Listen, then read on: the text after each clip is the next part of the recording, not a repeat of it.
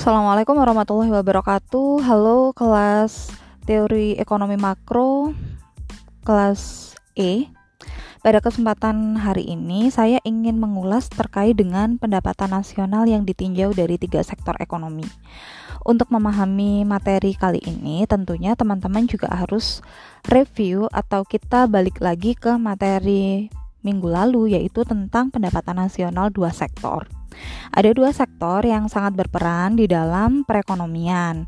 Yang pertama dari sektor rumah tangga dan yang kedua dari sektor perusahaan, di mana aliran dana dari kedua sektor inilah yang akan menggerakkan perekonomian sebuah negara. Kita tahu bahwa ketika rumah tangga ini mengkonsumsi, dia melakukan pembelian barang maupun jasa dari perusahaan, ini akan terjadi aliran dana dari rumah tangga ke perusahaan. Begitu pula sebaliknya ketika perusahaan ini memproduksi barang dan jasa kemudian dia mendapatkan profit atau keuntungan di mana keuntungan ini sebagian akan dia bayarkan pada tenaga kerjanya. Ketika tenaga kerja ini kembali ke rumah maka inilah yang dinamakan terjadinya aliran pendapatan dari perusahaan ke rumah tangga. Lebih dari itu ya kalau aliran dari perusahaan ke rumah tangga bisa kita artikan pula dengan Misal perusahaan melakukan sewa, baik itu sewa tanah, bangunan dari sektor rumah tangga, maka ini juga terjadi aliran dari perusahaan ke rumah tangga. Semakin besar aliran dana yang terjadi di antara dua sektor dan semakin cepat perputaran uangnya ini akan mengakibatkan perekonomian berjalan terus-menerus dan akan meningkatkan pendapatan nasional sebuah negara. Teori yang mendasarinya seperti ini, seperti itu. Perekonomian dengan dua sektor ini adalah berkiblat dari teorinya Adam Smith, di mana ketika kita ingin memaksimalkan keuntungan, memaksimalkan perekonomian di sebuah negara, ya biarkan faktor-faktor ekonomi di dalam pasar ini bekerja secara maksimal dengan sendirinya. Faktor ekonomi kan ada dari rumah tangga dan perusahaan. Ada perilaku konsumen, ada perilaku produsen ada kekuatan konsumen, ada kekuatan produsen. Biarkan deh mereka ini bekerja dengan semaksimal mungkin. Tidak perlu ada otak-atik campur tangan dari siapa pun. Nanti kalau terjadi permasalahan, terjadi guncangan atau apa pun di dalam sistem perekonomian, nanti mereka akan kembali ke kondisi keseimbangannya. Jadi tidak perlu orang lain itu ikut campur, mereka akan berjalan dengan stabil dengan sendirinya. Itu ketika terjadi ketidakseimbangan. Tapi masalahnya adalah ketika terjadi Great Depression di Amerika di awal tahun 1920, teori yang dibawa oleh golongan klasik Adam Smith ini tidak berlaku lagi, yaitu ketika terjadi Great Depression, tidak ada campur tangan dari siapa pun, ekonomi dibiarkan begitu saja, ternyata malah tidak menuju ke arah perbaikan atau keseimbangan, dia malah semakin hancur. Oleh sebab itu, digagaslah teori Keynes untuk memperbarui teori yang sudah lama, yaitu dengan memasukkan satu sektor di dalam perekonomian yang kita kenal dengan perekonomian tiga sektor. Kita memasukkan pemerintah di dalamnya. Jadi poinnya poin pentingnya ada tiga sekarang rumah tangga, perusahaan, dan pemerintah. Kalau teman-teman lihat rumusnya, sudah berubah lagi bukan Y sama dengan C ditambah I lagi tetapi Y sama dengan C ditambah I ditambah G. G ini adalah government spending yaitu pengeluaran pemerintah karena aliran dana yang terjadi di dalam ekonomi sekarang terjadi dari tiga sektor. Tidak hanya sektor rumah tangga dan pemerintah saja tetapi tidak hanya sektor rumah tangga dan perusahaan saja, tetapi juga dari sektor pemerintahan. Kenapa kok kita pakai acuannya adalah government spending, bukan pemerintah aja? Karena kan kita ingin lihat aliran dananya yang terus berputar memutar roda ekonomi. Kalau kita lihat dari sisi pemerintahnya saja ya, kita akan melihat hanya sekedar kebijakan-kebijakannya saja. Tapi kalau kita ingin lihat kinerjanya yang mendukung pendapatan nasional, maka kita akan lihat dari government spendingnya atau pengeluaran pemerintah atau belanja pemerintahnya. Karena dari sini tercipta aliran dana yang akan kita gunakan untuk memutar roda ekonomi di ketiga sektor ini. Uh, kemarin juga sudah saya contohkan ya, saya akan ulang lagi. Misal ya, sebelum adanya pemerintah ikut campur di eranya Adam Smith atau sesudah pemerintah ikut campur di eranya Keynes. Misal nih, saya sebagai konsumen ingin beli barang. ke perusahaan A, tapi kita butuh waktu selama satu minggu supaya barang itu sampai. Sebagai konsumen, tentu saya akan merasa dirugikan. Saya sudah membayar sejumlah uang, tetapi untuk bisa memanfaatkan barang ini, saya butuh waktu satu minggu lagi atau saya harus menunda konsumsi saya selama satu minggu. Kalau teman-teman belajar mikro, tentu ini tidak akan mencapai kepuasan maksimum bagi seorang konsumen. Dari sisi produsen pun juga demikian.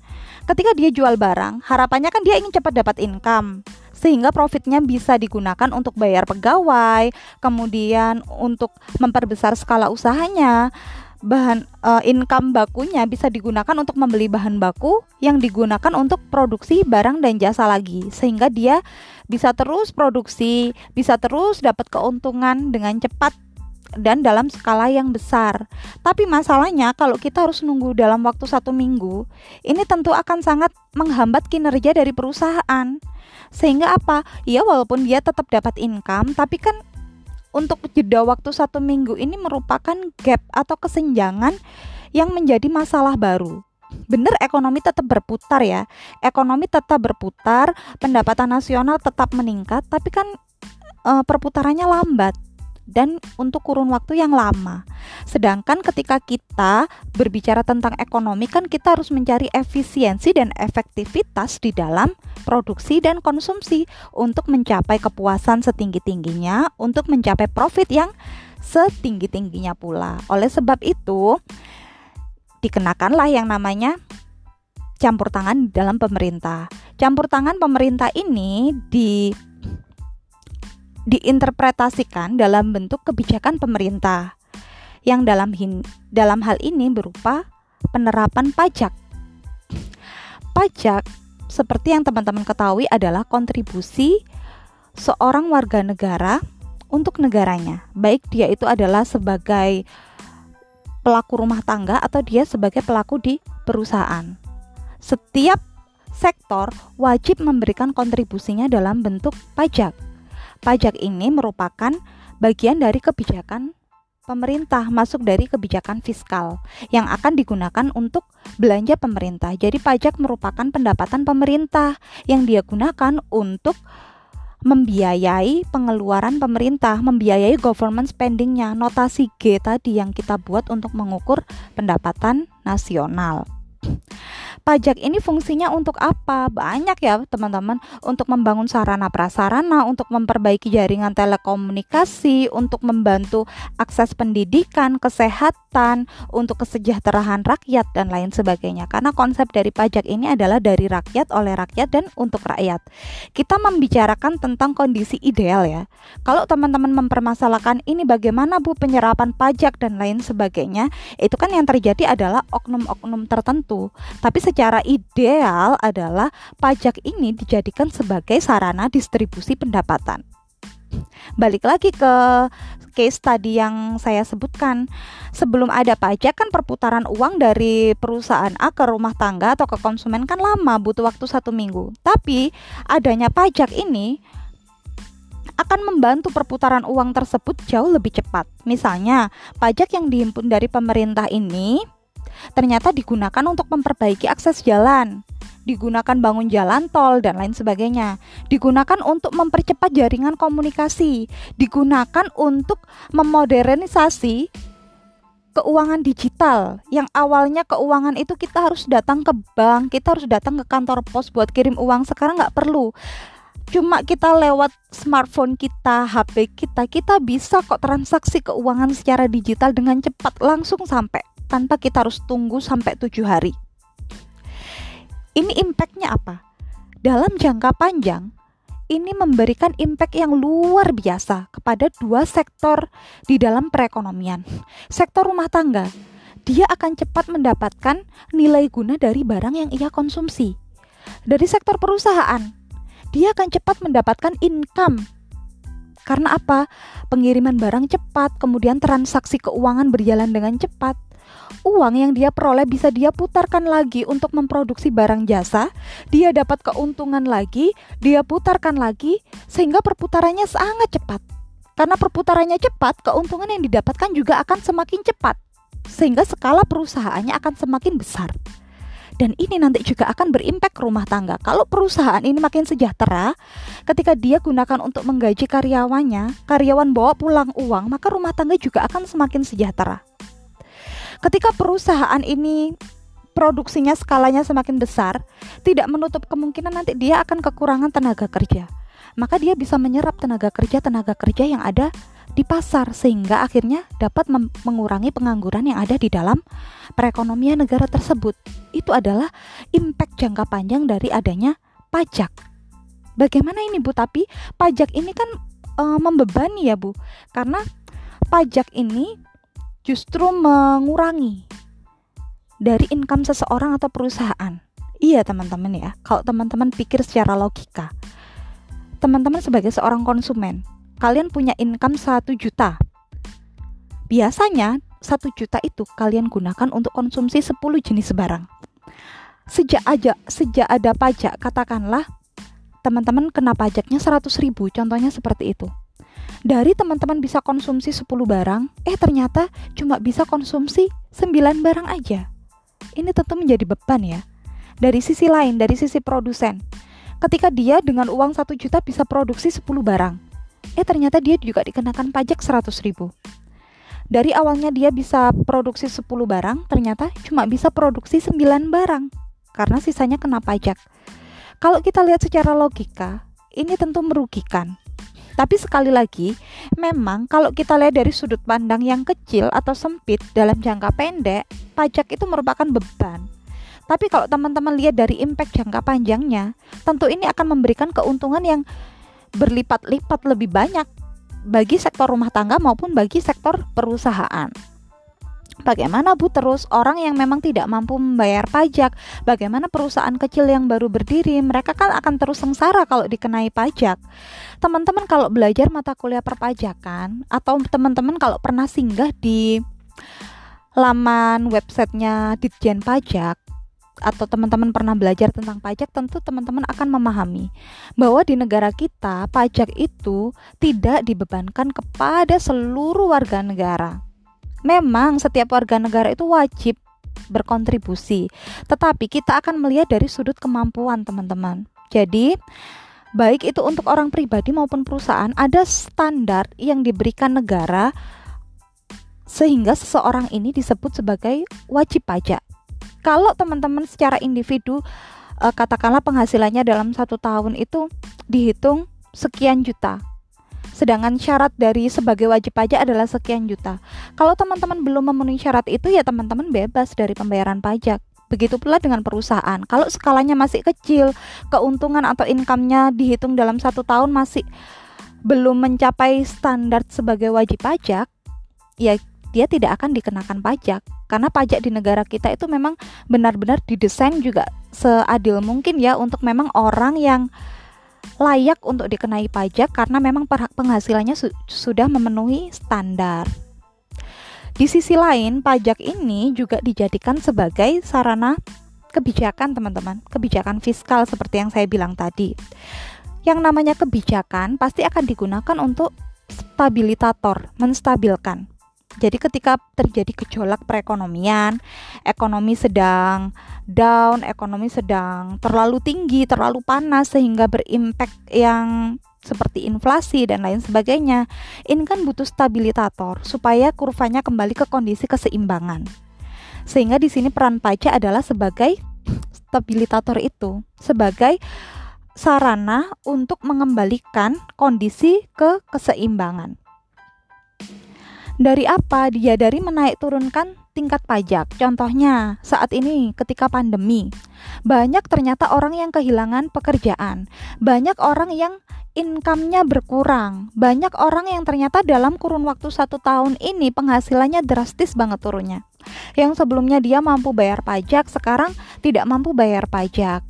Yang awalnya dia mampu beli banyak barang, sekarang dia tidak mampu bayar, ba beli barang sehingga ketika terjadi pandemi, perekonomian lesu, daya beli masyarakat ini turun. Nah, apa yang bisa dilakukan pemerintah melalui mekanisme kebijakan fiskal? Dia akan menaik turunkan nilai dari pajak ini tadi selain memberikan insentif pada pelaku usaha, pada wajib pajak pribadi, dia ternyata juga mengotak-atik tingkat pajak yaitu dengan cara menurunkan pajak ketika terjadi kondisi kelesuan ekonomi seperti akibat pandemi ini.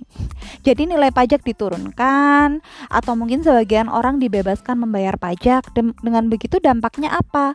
Masyarakat yang seharusnya uangnya uh, digunakan untuk bayar pajak ke pemerintah, eh dia bisa gunakan untuk konsumsi. Nah, ini kan menstimulus konsumsi supaya apa? Supaya aliran dana tetap terjadi dari sektor rumah tangga ke perusahaan. Aliran dananya terus muter di sini.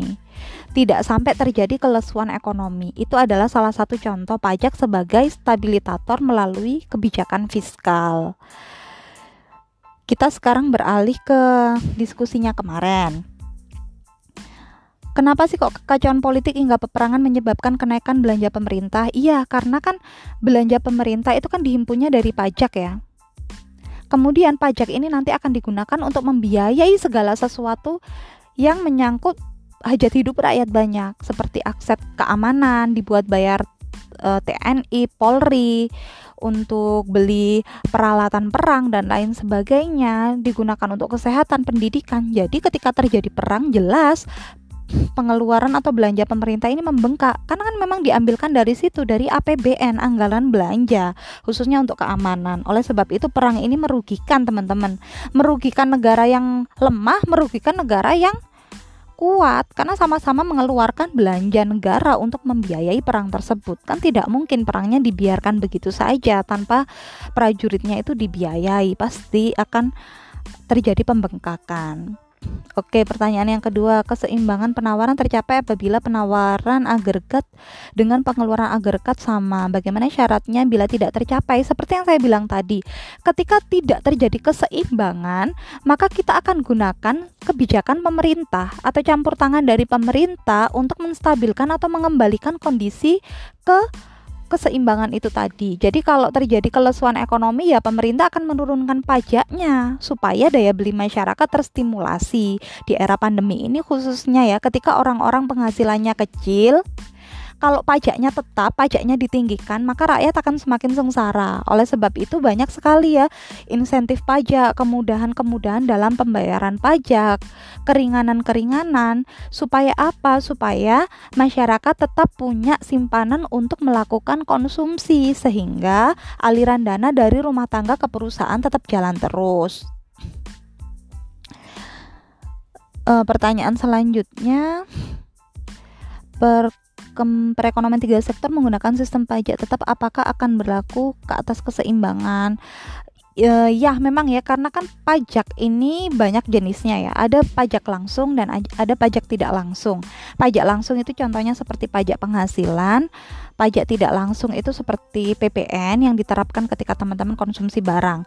Semua ini nantinya akan masuk ke aliran uh, pendapatan pemerintah dan akan digunakan untuk belanja pemerintah sehingga tetap ya walaupun dia itu jenis pajaknya apa pun keseimbangan ini diperoleh manakala pendapatan nasional Y ini sama dengan jumlah dari konsumsi investasi dan belanja pemerintah yang di dalamnya itu ada perhimpunan dari pajaknya atau penyerapan dari pajak. Jadi pasti akan ngaruh banget ke keseimbangan izin bertanya, mengapa pembelanjaan yang dilakukan pemerintah juga sama besarnya dengan pajak yang diterima dan mengapa pemerintah menerapkan kebijakan utang luar negeri? Kenapa kok tidak ditabung? Belanja pemerintah itu digunakan untuk membiayai aktivitas pembangunan untuk mendapatkan pendapatan nasional yang tinggi dalam jangka menengah dan dalam jangka panjang tentunya. Kenapa kok kita harus utang? Utang itu kan ketika kita itu yang namanya dalam satu tahun ekonomi yang berjalan itu kan mengalami defisit ya, defisit anggaran. Artinya banyak yang kita keluarkan daripada yang kita himpun oleh sebab itu kita harus menutupi kekurangan itu dengan hutang. Hutang ini pun juga tidak serta merta ya teman-teman kita langsung utang ke luar negeri atau kita utang ke dalam negeri. Tentunya dengan prosedural seperti kita menerbitkan obligasi negara, sertifikat berharga negara, surat utang negara atau kita kenal dengan SUN.